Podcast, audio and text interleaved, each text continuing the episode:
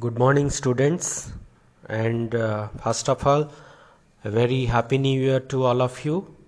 And I hope this year will bring happiness and prosperity, success to all of you. Uh, after saying that, I will uh, start with your paper 2 Indian society.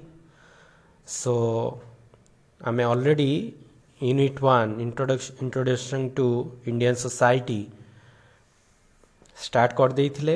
ସେଥିରେ composition of Indian society ଭାରତୀୟ ସମାଜର ଗଠନ linguistic religious and tribal ତ linguistic composition of Indian society ଭାରତୀୟ ସମାଜର ଭାଷାଗତ ଗଠନ ଆମେ ଅଲରେଡ଼ି ପଢ଼େଇ ସାରିଛନ୍ତି। ତା ସହିତ ରିଲିଜିୟସ୍ କମ୍ପୋଜିସନ୍ରେ ମୁଁ ହିନ୍ଦୁ ଧର୍ମ ଉପରେ ମଧ୍ୟ ତୁମକୁ କିଛି ସମ୍ୟକ ଧାରଣା ଦେଇସାରିଛି। ତ ଆଜି ଆମେ ଡିଟେଲ୍ସ ଦେଖିବା ଭାରତୀୟ ସମାଜର ଧର୍ମୀୟ ଗଠନ religious composition of Indian society ତ again I will start with the Hindu ଧର୍ମ ଦ୍ୟାଟ୍ ଇଜ୍ ହିନ୍ଦୁଇଜମ୍ ତ ଆମେ ଜାଣିଛନ୍ତି ଯେ ଭାରତୀୟ ସମାଜ ମୁଖ୍ୟତଃ ହିନ୍ଦୁ ଧର୍ମ ଉପରେ ପର୍ଯ୍ୟବେସିତ କାରଣ ଏଠାରେ ଶତକଡ଼ା ଅଶୀ ଭାଗରୁ ଉର୍ଦ୍ଧ୍ୱ ଲୋକ ହିନ୍ଦୁ ଧର୍ମକୁ ସେମାନଙ୍କର ଧର୍ମ ଭାବରେ ଗ୍ରହଣ କରିଛନ୍ତି ଏବଂ ହିନ୍ଦୁ ଧର୍ମ ଯଦି ଦେଖିବା ହିନ୍ଦୁ ଧର୍ମ ପୃଥିବୀର ତୃତୀୟ ବୃହତ୍ତମ ଧର୍ମ। କାରଣ ପୃଥିବୀ ପୃଷ୍ଠରେ ଶହେ ପଚିଶ କୋଟିରୁ ଉର୍ଦ୍ଧ୍ୱ ଲୋକ ହିନ୍ଦୁ ଧର୍ମକୁ ସେମାନଙ୍କର ଧର୍ମ ଭାବରେ ଗ୍ରହଣ କରିଛନ୍ତି। ତ ସେହି ଅନୁସାରେ ଦେଖିଲେ ଭାରତରେ ମଧ୍ୟ ହିନ୍ଦୁ ଧର୍ମାବଲମ୍ବୀ ଲୋକମାନଙ୍କର ସଂଖ୍ୟା ଅଧିକ। ତ ହିନ୍ଦୁ ଧର୍ମ ମୂଳତଃ ସନାତନ ଧର୍ମ ବା ବୈଦିକ ଧର୍ମ ଉପରେ ପର୍ଯ୍ୟବେସିତ କାରଣ ହିନ୍ଦୁ ଧର୍ମର ଯେଉଁ ମୂଳ ଆଧାର ବେଦ ଉପନିଷଦ ପୁରାଣ ଧର୍ମଶାସ୍ତ୍ର ମହାଭାରତ ରାମାୟଣ ପ୍ରଭୃତି ଗ୍ରନ୍ଥମାନଙ୍କରୁ ଆସିଛି ହିନ୍ଦୁ ଧର୍ମ ମୁଖ୍ୟତଃ ହିନ୍ଦୁ ଦର୍ଶନ ଉପରେ ପର୍ଯ୍ୟବେସିତ ହିନ୍ଦୁ ଦର୍ଶନ କହିଲେ ସନାତନ ଧର୍ମ ବା ସନାତନ ଦର୍ଶନ ଉପରେ ପର୍ଯ୍ୟବେସିତ ଏଠାରେ ଆମେ ବିଭିନ୍ନ ଦେବାଦେବୀଙ୍କୁ ପୂଜା କରିଥାଉ ଯେପରିକି ବ୍ରହ୍ମା ବିଷ୍ଣୁ ମହେଶ୍ୱର। ଏହି ତିନି ଗୋଟି ମୁଖ୍ୟ ଦେବତା ଯାହାଙ୍କୁ ଆମେ ମାନିଥାଉ ଏବଂ ହିନ୍ଦୁ ଦର୍ଶନ ମୁଖ୍ୟତଃ ଛଅ ଗୋଟି ସ୍କୁଲ ବା ଛଅ ଗୋଟି ମୁଖ୍ୟ ଆଦର୍ଶ ଉପରେ ପର୍ଯ୍ୟବେସିତ ସାଂଖ୍ୟ ଯୋଗ ନ୍ୟାୟ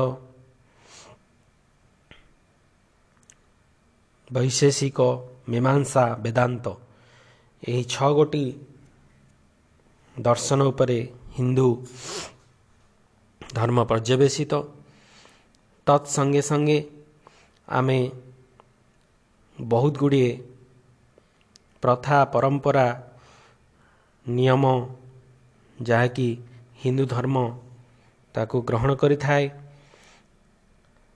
ହିନ୍ଦୁ ଧର୍ମ ମୁଖ୍ୟତଃ ଚାରି ଗୋଟି ପୁରୁଷାର୍ଥ ଉପରେ ପର୍ଯ୍ୟବେସିତ ଯେପରିକି ଧର୍ମ ଅର୍ଥ କାମ ମୋକ୍ଷ। ଧର୍ମ ଅନୁସାରେ ସମସ୍ତ ଲୋକ ଆମେ ଠିକ୍ କର୍ମ ଉପରେ ବିଶ୍ୱାସ କରିଥାନ୍ତି ଏବଂ ଅର୍ଥ ଯାହାକି ଆମର ପ୍ରସ୍ପେରିଟି ଆମର କାର୍ଯ୍ୟକୁ ସୂଚାଇଥାଏ। କାମ ଆମ ଭିତରେ ଥିବା ଡିଜାୟାର ଆମ ଭିତରେ ଥିବା ଆଶା ଆକାଂକ୍ଷା ଏଗୁଡ଼ିକୁ ସୂଚାଇଥାଏ। ମୋକ୍ଷ ମୋକ୍ଷ ହେଉଛି ଏପରି ଏକ ଷ୍ଟେଜ୍ ଯେଉଁଠିକି ମଣିଷ ମୋକ୍ଷ ପ୍ରାପ୍ତି ହୋଇଥାଏ ତାର ଜୀବନର ଅନ୍ତ ହୋଇଥାଏ ଏବଂ ସେ ପୁନର୍ଜନ୍ମ ନିଏ ନାହିଁ। ତା ଅର୍ଥ ହିନ୍ଦୁ ଧର୍ମ ଏହି କର୍ମଫଳ ଆଉ ମୋକ୍ଷ ଉପରେ ବିଶ୍ୱାସ କରିଥାଏ। Right action and right intention and right consequences. ଆମେ ଯେପରି କର୍ମ କରିବା ସେହି ଅନୁସାରେ ଆମେ ଫଳ ପାଇବା ଯାହାକି ଆମର ହିନ୍ଦୁ ଧର୍ମ ଆମକୁ ଶିକ୍ଷା ଦେଇଥାଏ। ତା ସହିତ ଆମେ ପୂଜା ଆମେ ପୂଜା ଉପରେ ବିଶ୍ୱାସ ରଖନ୍ତି ମୂର୍ତ୍ତି ପୂଜା କରନ୍ତି ହିନ୍ଦୁ ଧର୍ମ ବହୁତ ଗୁଡ଼ିଏ ଦେବାଦେବୀକୁ ପୂଜା କରିଥାଏ। ସବୁ ଦେବାଦେବୀମାନଙ୍କର ବିଶେଷ ମହତ୍ଵ ରହିଛି ଏବଂ ସେମାନେ ଆମକୁ ସେମାନଙ୍କର ଆଶୀର୍ବାଦ ଦେଇଥାନ୍ତି ଏ ବିଶ୍ୱାସ ଆମ ଭିତରେ ରହିଛି। ଯେପରିକି ଗଣେଶଙ୍କୁ ଆମେ ପୂଜା କରନ୍ତି ବିଦ୍ୟା ଯେହେତୁ ସେ ବିଦ୍ୟାର ଦେବତା ତ ବିଦ୍ୟା ଦେବା ପାଇଁ ଆମେ ଗଣେଶଙ୍କୁ ପୂଜା କରନ୍ତି ସରସ୍ୱତୀ ମଧ୍ୟ ସେହିପରି ବିଦ୍ୟାଦାତ୍ରୀ ସେହିପରି ଆମେ ବିଭିନ୍ନ ଦେବାଦେବୀଙ୍କୁ ପୂଜା କରିଥାନ୍ତି ଯେଉଁମାନେ କି ଆମକୁ ସବୁବେଳେ ଆଶୀର୍ବାଦ ପ୍ରଦାନ କରିଥାନ୍ତି ତ ଏହିପରି ହିନ୍ଦୁ ଧର୍ମ ତାର ଯେଉଁ ଧର୍ମଗ୍ରନ୍ଥ ଉପରେ ମଧ୍ୟ ବିଶ୍ୱାସ ରଖିଥାଏ। ଆମର ଭାଗବତ ଗୀତା ରାମାୟଣ ମହାଭାରତ ସବୁ ମହାନ ଗ୍ରନ୍ଥ ଯିଏକି ଆମକୁ ଆମ ଜୀବନ ପଥରେ ଚାଲିବା ପାଇଁ ସଦାସର୍ବଦା ସବୁବେଳେ ବାଟ ଦେଖାଇ ଆସିଛନ୍ତି ଏବଂ ସବୁବେଳେ ଦେଖାଉଥିବେ ମଧ୍ୟ। ତେଣୁ ହିନ୍ଦୁ ଧର୍ମର ଯେଉଁ ଫିଲୋସଫି ବା ଆଦର୍ଶ ଏହାକୁ ଆମେ ସମସ୍ତେ ଗ୍ରହଣ କରିଛନ୍ତି ବା ଭାରତର ଅଧିକାଂଶ ଲୋକ ଏହାକୁ ଗ୍ରହଣ କରିଛନ୍ତି ଏବଂ ଏହି ଆଦର୍ଶ କେବଳ ଭାରତ ବର୍ଷରେ ନୁହେଁ ଭାରତ ବାହାରେ ମଧ୍ୟ ପ୍ରଚାର ପ୍ରସାର ଲାଭ କରିଛି ଯେପରିକି ଆମର South East Asia Indonesia Europe Africa North America Caribbean ଏହିସବୁ ଦେଶମାନଙ୍କରେ ମଧ୍ୟ ହିନ୍ଦୁ ଧର୍ମର ପ୍ରଚାର ପ୍ରସାର ଘଟିଛି। ତ ହିନ୍ଦୁ ଧର୍ମ ଏକ ବୃହତ୍ତର ଧର୍ମ ଭାବରେ କେବଳ ଭାରତ ବର୍ଷରେ ନୁହଁ ଭାରତ ବାହାରେ ମଧ୍ୟ ଏହାର ପ୍ରଚାର ପ୍ରସାର ଘଟୁଛି। ତ ହିନ୍ଦୁ ଧର୍ମର ମଧ୍ୟ ବହୁତ ଗୁଡ଼ିଏ ସମ୍ପ୍ରଦାୟ ରହିଛି ଯେପରିକି ଲିଙ୍ଗାୟତ ଶାକ୍ତ ରାଧାସ୍ୱାମୀ ସତନାମୀ ବ୍ରହ୍ମ ସମାଜ ଆର୍ଯ୍ୟ ସମାଜ ଏହିପରି ଭାବରେ ହିନ୍ଦୁ ଧର୍ମର ପ୍ରଚାର ପ୍ରସାର କରିବା ପାଇଁ ବହୁତ ଗୁଡ଼ିଏ ସମ୍ପ୍ରଦାୟ ସେମାନେ ପରବର୍ତ୍ତୀ ପରିସ୍ଥିତିରେ ମୁଣ୍ଡ ଟେକିଛନ୍ତି ଯାହାକି ହିନ୍ଦୁ ଧର୍ମକୁ ଆଗକୁ ନେବାରେ ବିଶେଷ ଭାବରେ ସେମାନେ ବିଶେଷ ଭାବରେ ସେମାନଙ୍କର ଦାୟିତ୍ୱ ସମ୍ପାଦନ କରିଛନ୍ତି। ତ ଇଏ ହେଉଛି ତୁମର ହିନ୍ଦୁ ଧର୍ମ। ତାପରେ ଇସଲାମ ଧର୍ମ ଇସଲାମ ଧର୍ମ ଆମେ ଜାଣିଛନ୍ତି ଯେ ଇଏ ମଧ୍ୟ ଏକ ବୃହତ୍ତର ଧର୍ମ। ଇସଲାମ ଶବ୍ଦର ଅର୍ଥ ହେଉଛି ସବମିସନ୍ ଟୁ ଗଡ଼୍ ଅର୍ଥାତ୍ ଭଗବାନଙ୍କ ପାଖରେ ସମର୍ପଣ କରିବା। ତ ଇସଲାମ ଧର୍ମ ଯଦି ଦେଖିବା ପୃଥିବୀ ପୃଷ୍ଠର ଦ୍ୱିତୀୟ ସର୍ବବୃହତ ଧର୍ମ କାରଣ ଶହେ ଅଶୀ କୋଟିରୁ ଉର୍ଦ୍ଧ୍ୱ ପୃଥିବୀ ପୃଷ୍ଠର ଶହେ ଅଶୀ କୋଟିରୁ ଉର୍ଦ୍ଧ୍ୱ ଲୋକ ଇସଲାମ ଧର୍ମକୁ ଗ୍ରହଣ କରିଛନ୍ତି ଏବଂ ଏହି ଇସଲାମ ଧର୍ମ ମୁଖ୍ୟତଃ ଆରବ ଦେଶରୁ ଆସିଥିବାର ଅନୁମାନ କରାଯାଏ ଏବଂ ଏହାର ପୃଷ୍ଠପୋଷକତା ମୁଖ୍ୟତଃ ପ୍ରଫେଟ୍ ମହମ୍ମଦଙ୍କ ଦ୍ୱାରା ହୋଇଥିଲା ବୋଲି ଆମେ ଅନୁମାନ କରନ୍ତି। କାରଣ ପ୍ରଫେଟ୍ ମହମ୍ମଦକୁ କୁହାଯାଏ ଦ ମେସେଞ୍ଜର ଅଫ୍ ଗଡ୍ ସେ ହେଉଛନ୍ତି ଭଗବାନଙ୍କର ବାର୍ତ୍ତାବହ ଯିଏକି ସବୁବେଳେ ଲୋକମାନଙ୍କର ଭଲ ପାଇଁ କାମ କରିଛନ୍ତି ବା ଲୋକମାନେ କିପରି ସତ୍ ବାଟରେ ପରିଚାଳିତ ହେବେ ସେହି ମାର୍ଗ ସେ ଲୋକମାନଙ୍କୁ ଦେଖାଇଛନ୍ତି। ତ ଇସଲାମ ଏଇ କଥାରେ ବିଶ୍ୱାସ କରେ ଯେ ମହମ୍ମଦ ବା ପ୍ରଫେଟ୍ ମହମ୍ମଦ ହେଉଛନ୍ତି ଭଗବାନଙ୍କର ବାର୍ତ୍ତାବହ। ସେ ଯେଉଁ ବାର୍ତ୍ତା ଆମ ଭିତରେ ବାଣ୍ଟି ଦେଇ ଯାଇଛନ୍ତି ତାକୁ ଆମେ ଗ୍ରହଣ କରିବା ଉଚିତ। ତ ଇସଲାମ ସବୁବେଳେ ଭଗବାନଙ୍କ ପାଖରେ ସମର୍ପଣ ଭାବ ରଖିବା ପାଇଁ ଆମକୁ ଶିଖାଇଛି। ତା ସହିତ ଆମେ କିପରି ଦୟାଶୀଳ ହେବା ଆମେ କିପରି ଅନ୍ୟମାନଙ୍କୁ ଆମର ମାନବିକତା ଧର୍ମରେ ପ୍ରଭାବିତ କରିବା ଏବଂ ମାନବିକତା ହିଁ ଏକମାତ୍ର ମାଧ୍ୟମ ଯାହା ପାଖେ ଯାହାଦ୍ୱାରା ଆମେ ଈଶ୍ୱରଙ୍କ ପାଖରେ ପହଞ୍ଚି ପାରିବା। ଯାହାକି ସେମାନଙ୍କର ଧର୍ମଗ୍ରନ୍ଥ କୋରାନରେ ମଧ୍ୟ ଲିପିବଦ୍ଧ ହୋଇ ରହିଛି। କୋରାନ ମଧ୍ୟ ଏହି କଥା କହୁଛି ଯେ ଆମେ ସମସ୍ତେ ଭଗବାନଙ୍କର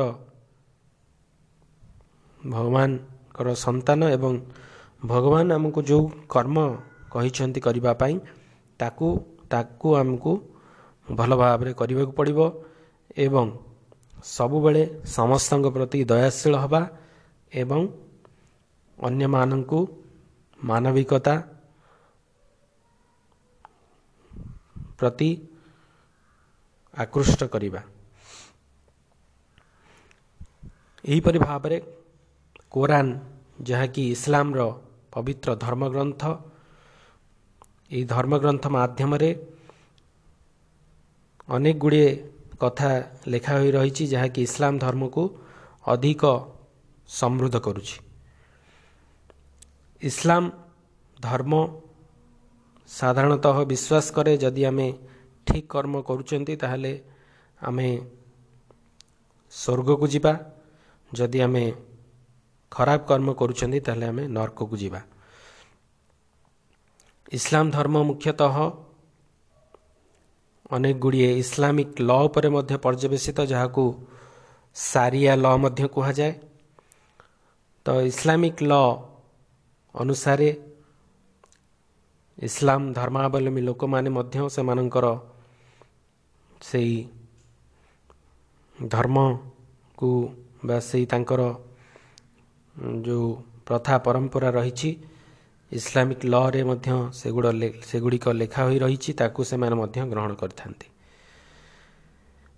ଏଥିସହିତ ଇସଲାମର ମଧ୍ୟ ବହୁତ ଗୁଡ଼ିଏ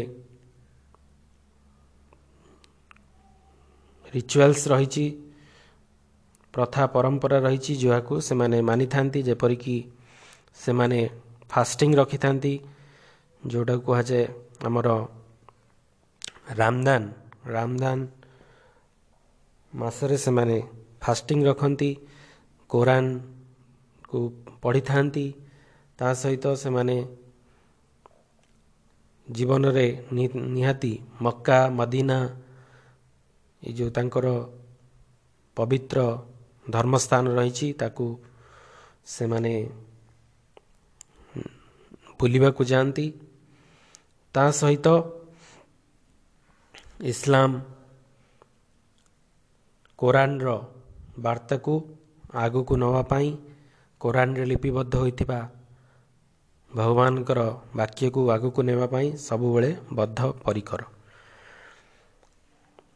ଏଥିସହିତ ଇସଲାମ ମଧ୍ୟ ଦୁଇ ଭାଗରେ ବିଭକ୍ତ ହୋଇଛି ଯେଉଁମାନଙ୍କୁ ସୁନି ଆଉ ସିଆ ଏହିପରି ଦୁଇ ସମ୍ପ୍ରଦାୟରେ ବିଭକ୍ତ ହୋଇଛି।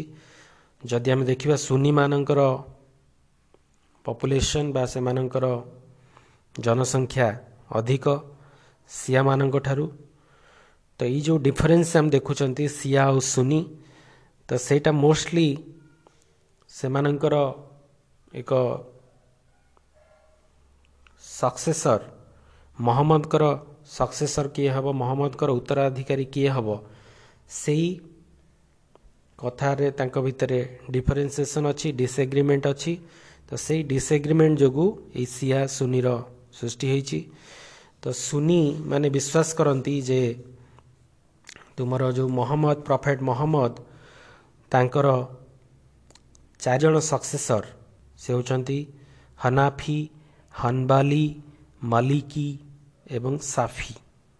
ଏମାନଙ୍କୁ ସେମାନଙ୍କର ସକ୍ସେସର ହିସାବରେ ଗ୍ରହଣ କରିଛନ୍ତି କିନ୍ତୁ ସିଆମାନେ ସେଇଟାକୁ ବିଶ୍ୱାସ କରନ୍ତି ନାହିଁ ସିଆମାନେ ବିଶ୍ୱାସ କରନ୍ତି ଯେ ମହମ୍ମଦ ତାଙ୍କର ସନ୍ ଇନ୍ ଲ ଯିଏ ତାଙ୍କର ଜାମାତା ସନ୍ ଇନ୍ ଲ ତାଙ୍କୁ ତାଙ୍କ ନାଁ ହେଉଛି ଆଲ୍ ଇବିନି ଆବି ତାଲିବି ତାଙ୍କୁ ତାଙ୍କର ସକ୍ସେସର ହିସାବରେ ଗ୍ରହଣ କରିଛନ୍ତି ତ ଏଇ ସବୁ ଏଇ ଯେଉଁ ଡିଫରେନ୍ସ ସେମାନଙ୍କ ଭିତରେ ଅଛି ସକ୍ସେସରଙ୍କୁ ନେଇକି ମହମ୍ମଦଙ୍କ ପରେ ପ୍ରଫେଟ ମହମ୍ମଦଙ୍କ ପରେ କିଏ ତାଙ୍କର ଉତ୍ତରାଧିକାରୀ ହେବ ତ ଏହି ଅନୁସାରେ ତୁମର ଇସଲାମ ଧର୍ମ ବା ଇସଲାମିକ ରିଲିଜିଅନ୍ ଦୁଇ ଭାଗରେ ଦୁଇଟି ସମ୍ପ୍ରଦାୟରେ ବିଭକ୍ତ ହୋଇଛି that is Shia and Sunni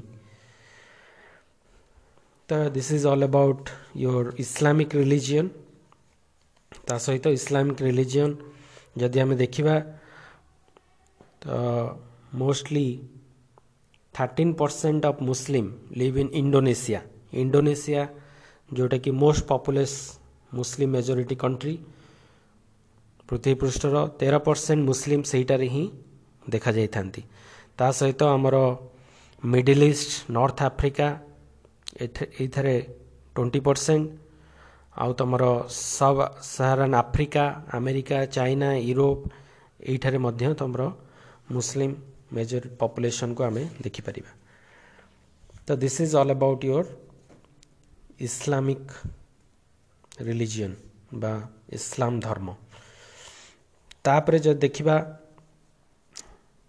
ଭାରତବର୍ଷରେ ଇସଲାମ ଧର୍ମ ଆମେ ଯଦି ଦେଖିବା ଭାରତବର୍ଷ ଯେତେବେଳେ ବିଭାଜିତ ହୋଇନଥିଲା ନାଇନଟିନ୍ ଫର୍ଟି ସେଭେନ୍ ପୂର୍ବରୁ ତ ଯେତେବେଳେ ଭାରତ ପାକିସ୍ତାନ ଡିଭିଜନ୍ ହୋଇନଥିଲା ସେତେବେଳେ ମେଜରିଟି ସେମାନଙ୍କର ଅଧିକ ଥିଲା କିନ୍ତୁ ପାକିସ୍ତାନ ହୋଇଯିବା ପରେ ପାକିସ୍ତାନ ଭାରତର ଯେଉଁ ଡିଭିଜନ୍ ହେବା ପରେ ତ ସେମାନେ ଯେହେତୁ ସେମାନଙ୍କର ଇସଲାମିକ କଣ୍ଟ୍ରି ପାକିସ୍ତାନ ଗଠନ କଲେ ତ ଅଧିକାଂଶ ମୁସଲିମ ସେଇ କଣ୍ଟ୍ରିକୁ ଚାଲିଗଲେ ଯାହାଫଳରେ ସେମାନଙ୍କର ପପୁଲେସନ୍ ଆମ ଭାରତବର୍ଷରେ କମିଯାଇଥିଲା। କିନ୍ତୁ ଏବେ ଦେଖାଯାଉଛି ଯେ ସେମାନଙ୍କର ପପୁଲେସନ୍ ଧୀରେ ଧୀରେ ବୃଦ୍ଧି ପାଉଛି ବା ସେମାନେ ସେମାନଙ୍କର ପପୁଲେସନ୍କୁ ଆଗକୁ ବଢ଼ାଇ ପାରିଛନ୍ତି। ତ ଏହି ଦୃଷ୍ଟିରୁ ଇସଲାମ ବା ଇସଲାମିକ ଧର୍ମ ଏକ ବୃହତ୍ତର ଧର୍ମ ଭାବରେ ଭାରତବର୍ଷରେ ତାର ଅସ୍ତିତ୍ୱ ବଜାୟ ରଖିଛି। Then we come to Christianity ବା ଖ୍ରୀଷ୍ଟ ଧର୍ମ ତ ଭାରତରେ ଖ୍ରୀଷ୍ଟ ଧର୍ମର ସଂଖ୍ୟା ଖ୍ରୀଷ୍ଟ ଧର୍ମାବଲମ୍ବୀ ଲୋକମାନଙ୍କ ସଂଖ୍ୟା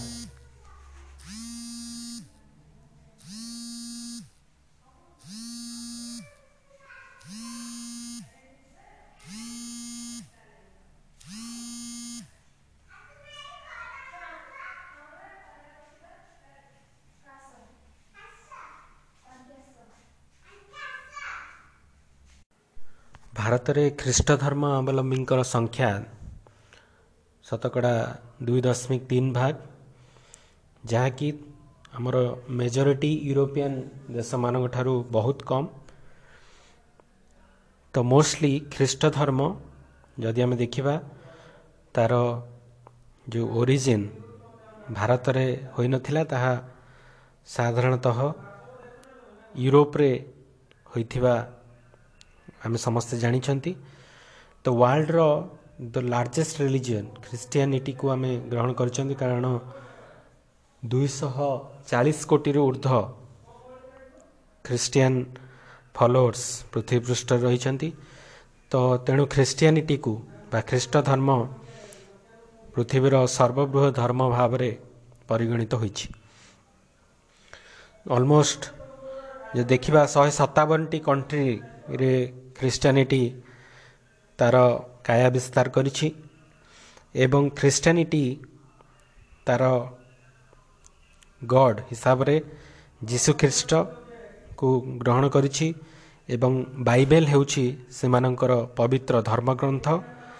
ବାଇବେଲ ମାଧ୍ୟମରେ ଯୀଶୁଖ୍ରୀଷ୍ଟ ସେ ତାଙ୍କର ଧର୍ମବାଣୀକୁ ଲିପିବଦ୍ଧ କରି ଯାଇଛନ୍ତି ଏବଂ ସେଇ ବାଇବେଲ ହିଁ ସେମାନଙ୍କର ମାର୍ଗଦର୍ଶକ।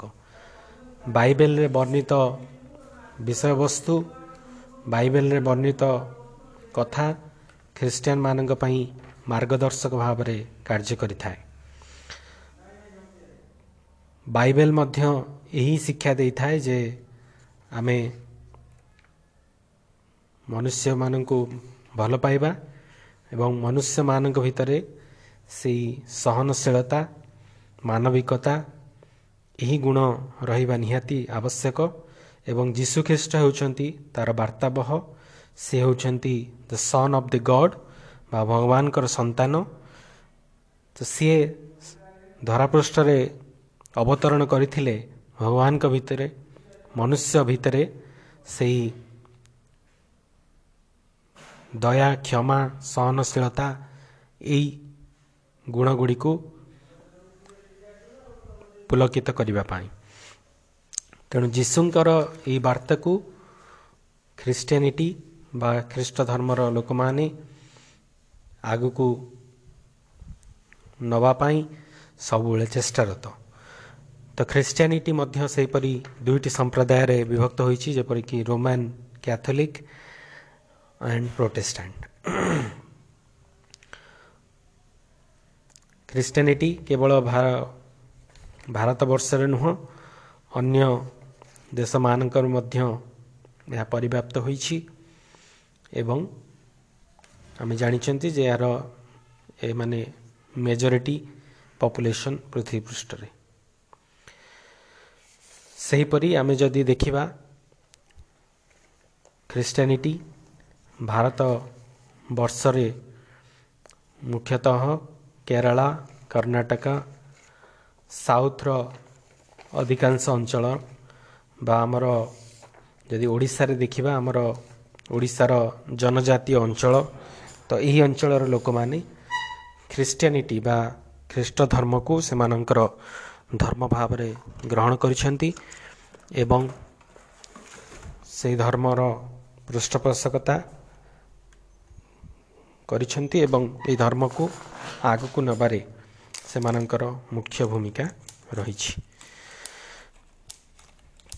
ତ this is all about your Christianity next will move into Sikhism ବା ଶିଖ ଧର୍ମ ତ ଶିଖ ଧର୍ମ ଆମେ ଜାଣିଛନ୍ତି ଯେ ଭାରତବର୍ଷରେ ଏହି ଧର୍ମର ପ୍ରଚାର ପ୍ରସାର ହୋଇଥିଲା ତ ମୁଖ୍ୟତଃ ଏହା ଗୁରୁ ନାନକ ଶିଖଙ୍କର ପ୍ରଥମ ଗୁରୁ ଗୁରୁ ନାନକ ଯିଏକି ଚଉଦଶହ ଅଣସ୍ତରି ମସିହାରେ ଜନ୍ମଗ୍ରହଣ କରିଥିଲେ ଏବଂ ତାଙ୍କ ପରେ ନଅ ଜଣ ଶିଖ ଗୁରୁ ଏହି ଶିଖ ଧର୍ମର ପ୍ରଚାର ପ୍ରସାର କରିଥିଲେ। ତ ଗୁରୁ ଗୋବିନ୍ଦ ସିଂ ଯିଏ ହେଉଛନ୍ତି ତାଙ୍କର ଦଶମ ଗୁରୁ ଗୁରୁ ଗୋବିନ୍ଦ ସିଂ ଯିଏକି ଗୁରୁ ଗ୍ରନ୍ଥ ସାହେବ ତାଙ୍କର ପୁସ୍ତକ ରଚନା କରିଥିଲେ ଏବଂ ଶିଖମାନେ ସେମାନ ସେଇ ଗୁରୁ ଗ୍ରନ୍ଥ ସାହେବକୁ ସେମାନଙ୍କର ଧର୍ମଗ୍ରନ୍ଥ ହିସାବରେ ଗ୍ରହଣ କରିଛନ୍ତି ଏବଂ ଏଇ ଯେଉଁ ଦଶ ଜଣ ଗୁରୁ ରହିଲେ ଶିଖ ଧର୍ମର ତ ସମସ୍ତଙ୍କର ବାଣୀ ସେଥିରେ ବର୍ଣ୍ଣିତ ରହିଛି ଏବଂ ଶିଖ ଧର୍ମାବଲମ୍ବୀ ଲୋକମାନେ ସେହି ଧର୍ମବାଣୀକୁ ସେମାନଙ୍କର ମାର୍ଗଦର୍ଶକ ଭାବରେ ଗ୍ରହଣ କରିଥାନ୍ତି ତତ୍ସହିତ ଯେପରିକି ତାଙ୍କର ସିକ୍ସ ଗୁରୁ ଗୁରୁ ହରଗୋବିନ୍ଦ ମଧ୍ୟ ସିଏ ମଧ୍ୟ ବହୁତ ଗୁଡ଼ିଏ ସ୍ପିରିଚୁଆଲ କଥା କହିଛନ୍ତି ଯାହାକି ଶିଖ ଧର୍ମାବଲମ୍ବୀ ଲୋକମାନେ ତାଙ୍କୁ ଗ୍ରହଣ କରିଛନ୍ତି ତା ସହିତ ଯଦି ଦେଖିବା ଇଏ ହେଉଛି ପୃଥିବୀ ପୃଷ୍ଠରେ ଫିଫ୍ଥ ଲାର୍ଜେଷ୍ଟ ରିଲିଜିଅନ୍ ପଞ୍ଚମ ବୃହତ୍ତମ religion almost two point five crore ତା ଅର୍ଥ ଟୁ ପଏଣ୍ଟ ଫାଇଭ୍ କ୍ରୋଡ଼ରୁ ଅଧିକ ଲୋକମାନେ ଏହି ଧର୍ମକୁ ଗ୍ରହଣ କରିଛନ୍ତି। ଅଢ଼େଇ କୋଟିରୁ ଉର୍ଦ୍ଧ୍ୱ ଲୋକ ଏବଂ ସେମାନେ ଶିଖ ଧର୍ମର ନୀତି ଆଦର୍ଶ ଦ୍ୱାରା ପରିଚାଳିତ ହେଉଛନ୍ତି। ଶିଖ ଧର୍ମ ସବୁବେଳେ ଅହିଂସା ଉପରେ ବିଶ୍ୱାସ ରଖିଥାଏ ଭଲ ପାଇବା ଏବଂ ଅନ୍ୟକୁ ଆପଣାର କରିବା ଏହି ଧର୍ମ ସବୁବେଳେ ଶିକ୍ଷା ଦେଇଥାଏ। ତ ଶିଖ ମାନେ ଏକ ମନ୍ତ୍ର ଉଚ୍ଚାରଣ କରନ୍ତି ଯାହାକି ୱାନ୍ ଗଡ଼୍ ଏକ ଓଙ୍କାର। ଏହି ମନ୍ତ୍ରକୁ ସେମାନେ ବାରମ୍ବାର ଉଚ୍ଚାରିତ କରିଥାନ୍ତି। ଶିଖ ଧର୍ମ ଯଦି ଦେଖିବା ଅଧିକାଂଶ ସମୟରେ ପ୍ରଭାବିତ ହୋଇଛି ଯେପରିକି ମୋଗଲ ଯେତେବେଳେ ମୋଗଲମାନେ ଭାରତବର୍ଷରେ ରାଜୁତି କଲେ ତ ସେହି ସମୟରେ ଶିଖ ଧର୍ମ ପ୍ରଭାବିତ ହୋଇଛି। ସେମାନେ ଚାହିଁଛନ୍ତି ଯେ ଶିଖ ଧର୍ମକୁ ଆଣିକି ଇସଲାମ ଧର୍ମରେ ମିଶାଇ ଦେବା ପାଇଁ। ଯେପରିକି ଗୁରୁ ଅର୍ଜୁନ ଦେବକୁ ମଧ୍ୟ ହତ୍ୟା କରାଯାଇଥିଲା। ସେହି ସମୟରେ ଜାହାଙ୍ଗୀରଙ୍କ ସମୟରେ ଗୁରୁ ତେଗ ବାହାଦୁର ତାଙ୍କୁ ମଧ୍ୟ ହତ୍ୟା କରାଯାଇଥିଲା ଔରଙ୍ଗଜେବଙ୍କ ସମୟରେ। ତ ଏହିସବୁ ବାଧା ସତ୍ତ୍ୱେ ମଧ୍ୟ ଶିଖ ଧର୍ମ ଭାରତବର୍ଷରେ ତାର ପ୍ରଚାର ପ୍ରସାର କରିଛି। ଶିଖ ଧର୍ମ ଦେଖିବା ପରବର୍ତ୍ତୀ ପରିସ୍ଥିତିରେ ଏହି ଧର୍ମକୁ ବଞ୍ଚାଇ ରଖିବା ପାଇଁ ଗୁରୁ ଗୋବିନ୍ଦ ସିଂ ଖାଲସା ନାମକ ଏକ ଏକ ସିପାହୀ ପ୍ରସ୍ତୁତ କରିଥିଲେ ଯେଉଁମାନଙ୍କର ମୁଖ୍ୟ ଉଦ୍ଦେଶ୍ୟ ଥିଲା ଯେ ଶିଖ ଧର୍ମକୁ ସୁରକ୍ଷିତ ରଖିବା ଏବଂ ଶିଖ ଧର୍ମ ତାର ଗୁରୁ ଗ୍ରନ୍ଥ ସାହେବ ମାଧ୍ୟମରେ ତାର ଯେଉଁ ବାଣୀ ଲୋକମାନଙ୍କ ପାଖରେ ପହଞ୍ଚେଇଛି ଏବଂ ଆମର ଯଦି ଦେଖିବା ପଞ୍ଜାବ ଚଣ୍ଡିଗଡ଼ ଏସବୁ ଅଞ୍ଚଳରେ ଶିଖ ଧର୍ମାବଲମ୍ବୀ ଦିଲ୍ଲୀ ପ୍ରଭୃତି ଅଞ୍ଚଳରେ ଶିଖ ଧର୍ମର ପ୍ରଚାର ପ୍ରସାର ଘଟିପାରିଛି ଆମର ଗୋଲ୍ଡେନ୍ ଟେମ୍ପଲ୍ ଅମୃତସରର ଯେଉଁଠିକି ଆମେ ଶିଖ ଧର୍ମାବଲମ୍ବୀ ଲୋକମାନେ ସେଇଠି ପୂଜା କରିଥାନ୍ତି ଗୁରୁଦ୍ୱାର ମାଧ୍ୟମରେ ସେମାନଙ୍କର ଯଦି ଦେଖିବା ସ୍କ୍ରିପ୍ଟ ଗୁରୁମୁଖୀ ସ୍କ୍ରିପ୍ଟ ଯାହାକି ତୁମର ଗୁରୁ ଗ୍ରନ୍ଥ ସାହେବ ତାହା ଲେଖାଯାଇଛି ସେହିପରି ଶିଖ ମାନେ ପାଞ୍ଚଟି କେକୁ ଅଧିକ ଇମ୍ପୋର୍ଟାନ୍ସ ଦେଇଥାନ୍ତି କେଶ କଙ୍ଗା କରା କଚେରା କ୍ରିପାଣ କେଶ ହେଉଛି ଦ ଅନକଟ୍ ହେୟାର କେଶ କଙ୍ଗା ବା ପାନିଆ ଉଡେନ୍ କମ୍ କାଛା କାଚେରା ଯେଉଁଟାକି ସେମାନଙ୍କର ଏକ ପ୍ରକାରର ଆଇଡେଣ୍ଟିଟି କୃପଣ ତାଙ୍କ ପାଖରେ କ୍ଷୁଦ୍ର ଖଣ୍ଡା ସଦୃଶ ସବୁବେଳେ ରହିଥାଏ କଡ଼ା ଏବଂ ଲୌହ କଙ୍କଣ ସେମାନେ ପରିଧାନ କରିଥାନ୍ତି ତ ଏଇ ଯେଉଁ ପାଞ୍ଚଟି କେ ବା ଫାଇଭ୍ କେ ସେମାନଙ୍କର ଶିଖ ଧର୍ମର ଏକ ପରିଚୟ ସମାଜରେ ସୃଷ୍ଟି କରିଥାଏ ଏବଂ ସେମାନଙ୍କୁ ଅନ୍ୟ ଧର୍ମଠାରୁ ଭିନ୍ନ କରିଥାଏ। ତ ଇଏ ହେଉଛି ତୁମର ଶିଖ ଧର୍ମ।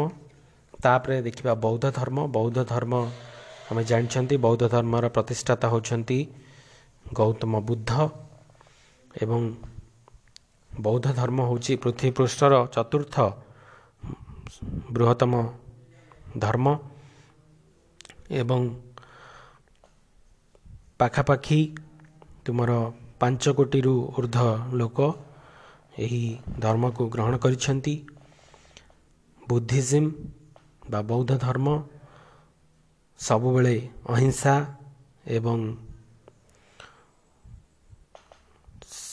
ସମସ୍ତଙ୍କୁ ସମାନ ଦୃଷ୍ଟିରେ ଦେଖିବା ଏହି ଧର୍ମର ମୂଳ ଉଦ୍ଦେଶ୍ୟ ଗୌତମ ବୁଦ୍ଧ ଯିଏକି ପ୍ରଥମେ ସିଦ୍ଧାର୍ଥ ଗୌତମ ଭାବରେ ପରିଗଣିତ ହୋଇଥିଲେ ପରବର୍ତ୍ତୀ ପରିସ୍ଥିତିରେ ସେ ବୁଦ୍ଧତ୍ୱ ପ୍ରାପ୍ତି ହୋଇଥିଲେ।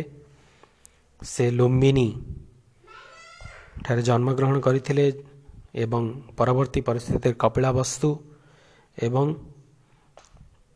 ତାଙ୍କର ଯୁବକ ଅବସ୍ଥା ବିହାର ୟୁପି ଏହି ପ୍ରଦେଶରେ ଅତିବାହିତ ହୋଇଥିଲା ତାଙ୍କ ବାପାଙ୍କ ନାଁ ହେଉଛି ଶୁଦ୍ଧଧନ ମାଙ୍କ ନାଁ ମାୟା ପରବର୍ତ୍ତୀ ପରିସ୍ଥିତିରେ ତାଙ୍କ ମାଙ୍କର ମୃତ୍ୟୁ ପରେ ତାଙ୍କ ମାଉସୀ ମାଉସୀ ଗୌତମୀଙ୍କ ଦ୍ୱାରା ସେ ପରିଚାଳିତ ହୋଇଥିଲେ। ତ ସେ ଦେଖିଥିଲେ ଯେ ଜୀବନ ହେଉଛି ଦୁଃଖମୟ। ସେ କହିଲେ ଯେ ଜୀବନ ଦୁଃଖମୟ ଦୁଃଖର କାରଣ ରହିଛି ଦୁଃଖର କାରଣ ହେଉଛି କାମନା। କାମନାର ବିନାଶରେ ଦୁଃଖର ବିନାଶ ଏବଂ ନିର୍ବାଣ ପ୍ରାପ୍ତି। ତ ବୁଦ୍ଧ ସବୁବେଳେ ଜୀବନକୁ ବୁଝିବା ପାଇଁ ଚେଷ୍ଟା କରୁଥିଲେ ଏବଂ ତାଙ୍କର ଯେଉଁ ଆଠଟି ମାର୍ଗ ରହିଛି ସେଇ ଯେ ଆମେ କିପରି right view right intention right speech right action right livelihood right effort right mindfulness right concentration ତ ସଠିକ ମାର୍ଗରେ କିପରି ମଣିଷ ପରିଚାଳିତ ହେବ ତ ଏହି ବାର୍ତ୍ତା ସେ ସବୁବେଳେ ଲୋକମାନଙ୍କ ଭିତରେ ପହଞ୍ଚାଇବା ପାଇଁ ଚେଷ୍ଟା କରୁଥିଲେ। ତ ସେହିପରି ବୁଦ୍ଧିଜିମ୍ ମଧ୍ୟ ତା'ର ପବିତ୍ର ପୁସ୍ତକ ତ୍ରିପିଟକ ମାଧ୍ୟମରେ ଲୋକମାନଙ୍କ ପାଖରେ ପହଞ୍ଚିଥିଲା। ତ୍ରିପିଟକ ବିନୟ ପିତକ ସୁତ ପିତକ ଅଭିଧାନ ପିତକ ଯାହାକି ସେହି ସମୟରେ ପ୍ରାକୃତି ଲାଙ୍ଗୁଏଜ୍ ବା ପାଲି ଲାଙ୍ଗୁଏଜ୍ରେ ଲେଖାଯାଇଥିଲା। ପରବର୍ତ୍ତୀ ପରିସ୍ଥିତିରେ ବୁଦ୍ଧଙ୍କର ନିଧନ ପରେ ବୁଦ୍ଧିଜିମ୍ ଦୁଇଟି ସମ୍ପ୍ରଦାୟରେ ବିଭକ୍ତ ହୋଇଥିଲା ଯେପରିକି ହୀନୟାନ ଏବଂ ମହାୟାନ। ହୀନୟାନ ସେମାନଙ୍କୁ କୁହାଯାଏ ଯେଉଁମାନେ ବୁଦ୍ଧଙ୍କର ଓରିଜିନାଲ ଟିଚିଂ ଉପରେ ବିଶ୍ୱାସ କରୁଥିଲେ। ନିର୍ବାଣ ପ୍ରାପ୍ତି ଉପରେ ବିଶ୍ୱାସ କରୁଥିଲେ ମେଡିଟେସନ୍ ଉପରେ ବିଶ୍ୱାସ କରୁଥିଲେ। ମହାୟାନ ଯେଉଁମାନେ ଆଇଡଲ ଓର୍ସିପ୍ ବୁଦ୍ଧଙ୍କର ଆଇଡଲକୁ ପୂଜା କରୁଥିଲେ। ତ ଏହିପରି ଭାବରେ ବୁଦ୍ଧିଜିମ୍ ମଧ୍ୟ ଦୁଇଟି ସମ୍ପ୍ରଦାୟରେ ବିଭକ୍ତ ହୋଇଛି ହୀନୟାନ ମହାୟାନ। ତା ସହିତ ବୁଦ୍ଧିଜିମ୍ ଭାରତ ବର୍ଷ ଛଡ଼ା China Korea Japan Taiwan Nepal Tibet Bhutan Mongolia ଏହିପରି ଅନେକ ଦେଶମାନଙ୍କୁ ତା'ର ପରିବ୍ୟାପ୍ତ ଘଟିଛି। ତାପରେ ଯଦି ଦେଖିବା ଜୈନିଜିମ୍ ଜୈନିଜିମ୍ ଆମେ ଜାଣିଛନ୍ତି ଜୈନିଜିମ୍ ହେଉଛି ସବୁଠାରୁ ପୁରାତନ ଧର୍ମ ଦ ଆନ୍ସିଏଣ୍ଟ ରିଲିଜିଅନ୍ ଯାହାକି ତାଙ୍କର ଚବିଶ ଚବିଶ ଜଣ ତୀର୍ଥଙ୍କର ମାଧ୍ୟମରେ eighteenth to seven century BC ତ ସେହି ସମୟରେ ଏହି ଧର୍ମ ତାର ପ୍ରଚାର ପ୍ରସାର କରିଥିଲା। ପ୍ରଥମ ତୀର୍ଥଙ୍କର ହେଉଛନ୍ତି ଲର୍ଡ଼ ରିଷଭନାଥ ତମର ମହାବୀର ହେଉଛନ୍ତି ମହାବୀର ଜୈନ ହେଉଛନ୍ତି ଚବିଶତମ ତୀର୍ଥଙ୍କର। ପ୍ରସବନାଥ ହେଉଛନ୍ତି ତେଇଶତମ ତୀର୍ଥଙ୍କର। ତ ମହାବୀର ଜୈନଙ୍କ ସମୟରେ ତମର ଜୈନ ଧର୍ମର ପ୍ରଚାର ପ୍ରସାର ଅଧିକ ଘଟିଥିଲା। ଜୈନ ଧର୍ମ ମଧ୍ୟ ସେହି ଅହିଂସା ନନ୍ ଭାଓଲେନ୍ସ ଅନେକାନ୍ତବାଦ ଅପରିଗ୍ରହ ଆସେଟିସିଜିମ୍ ଏହା ଉପରେ ବିଶ୍ୱାସ କରିଥାଏ। ଅହିଂସା ଅର୍ଥ ନନ୍ ଭାଓଲେନ୍ସ ହିଂସା କରିବା ନାହିଁ ସମସ୍ତଙ୍କୁ ଦୟା ଭାବ ଦେଖାଇବା ଅନେକାନ୍ତ ଅନେକାନ୍ତ ବେଦ ତାର ବହୁତ ଗୁଡ଼ିଏ ବିଷୟବସ୍ତୁ ଉପରେ ସେ ପର୍ଯ୍ୟବେକ୍ଷଣ କରୁଥିଲା। ଅପରିଗ୍ରହ ଏବଂ ଆସେଟିସିଜମ୍ ଯେପରିକି ମଣିଷର ଆଶା ଆକାଂକ୍ଷା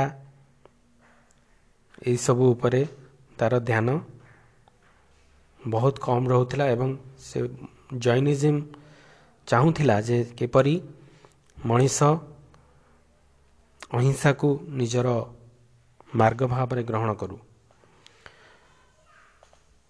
ତ ଏହିପରି ଭାବରେ ଜୈନିଜିମ୍ ତାର ପ୍ରଚାର ପ୍ରସାର ଲାଭ କରିଥିଲା।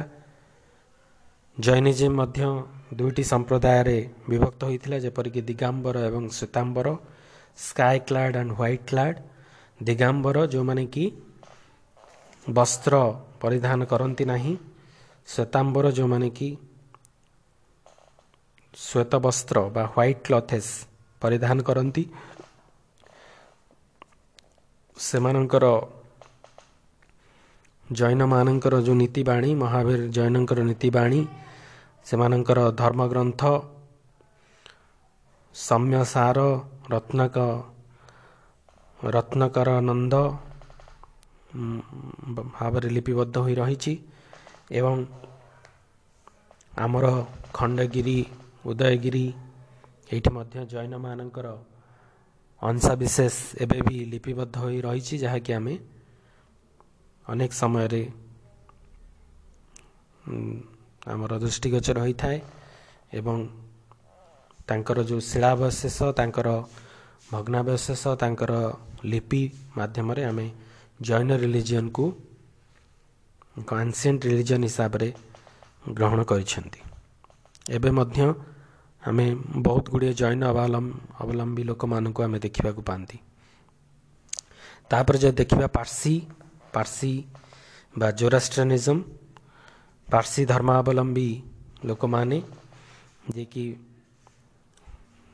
ଭାରତବର୍ଷରେ ଏବେ ମଧ୍ୟ ଦେଖିବାକୁ ମିଳନ୍ତି ସେମାନେ ସାଧାରଣତଃ ପର୍ସିଆରୁ ଭାରତକୁ ଆସିଥିବାର ଅନୁମାନ କରାଯାଏ ଯେତେବେଳେ ମୁସଲମାନ ମାନେ ପର୍ସିଆକୁ ଅଧିଗ୍ରହଣ କରିନେଲେ ତ ସେତେବେଳେ ସେମାନେ ଭାରତବର୍ଷକୁ ଆସିଥିବାର ଅନୁମାନ କରାଯାଏ। ସେମାନଙ୍କର ଧର୍ମ ହିସାବରେ ଜୋରାଷ୍ଟ୍ରନିଜମକୁ ସେମାନେ ସେମାନେ ଧର୍ମ ହିସାବରେ ଗ୍ରହଣ କରିଛନ୍ତି। ସେମାନଙ୍କର ମୁଖ୍ୟ ଉଦ୍ଦେଶ୍ୟ ହେଉଛି purity and pollution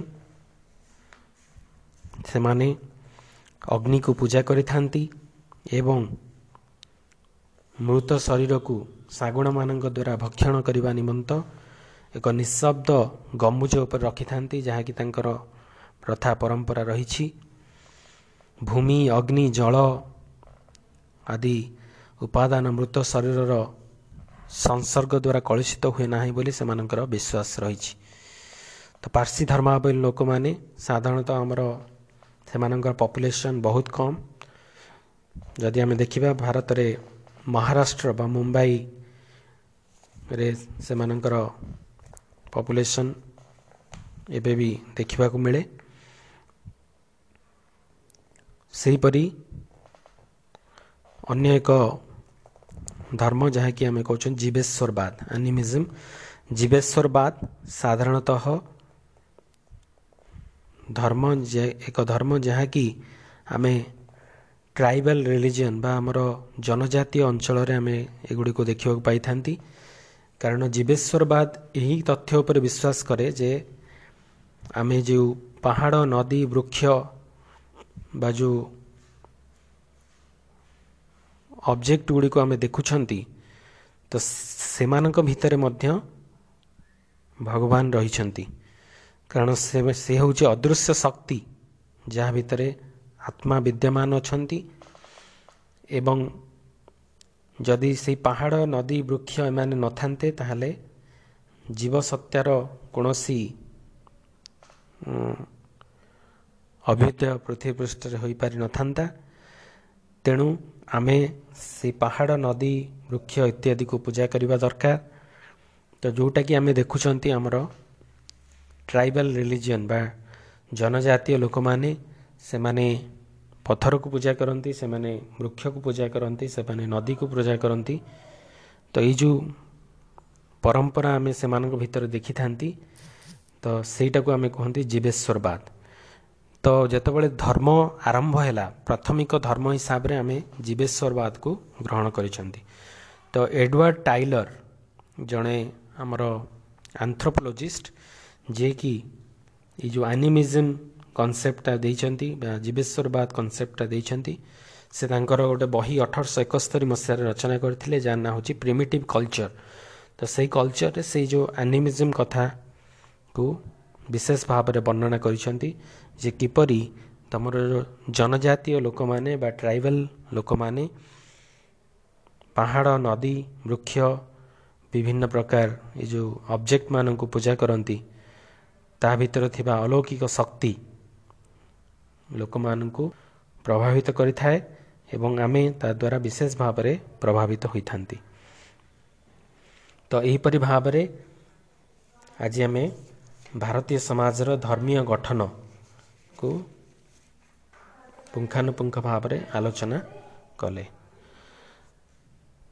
Thank you so much next ଲେକ୍ଚରରେ ମୁଁ ତୁମକୁ tribal composition of Indian society ଉପରେ ସବିଶେଷ ଧାରଣା ଦେବି ଥ୍ୟାଙ୍କ ୟୁ ସୋ ମଚ୍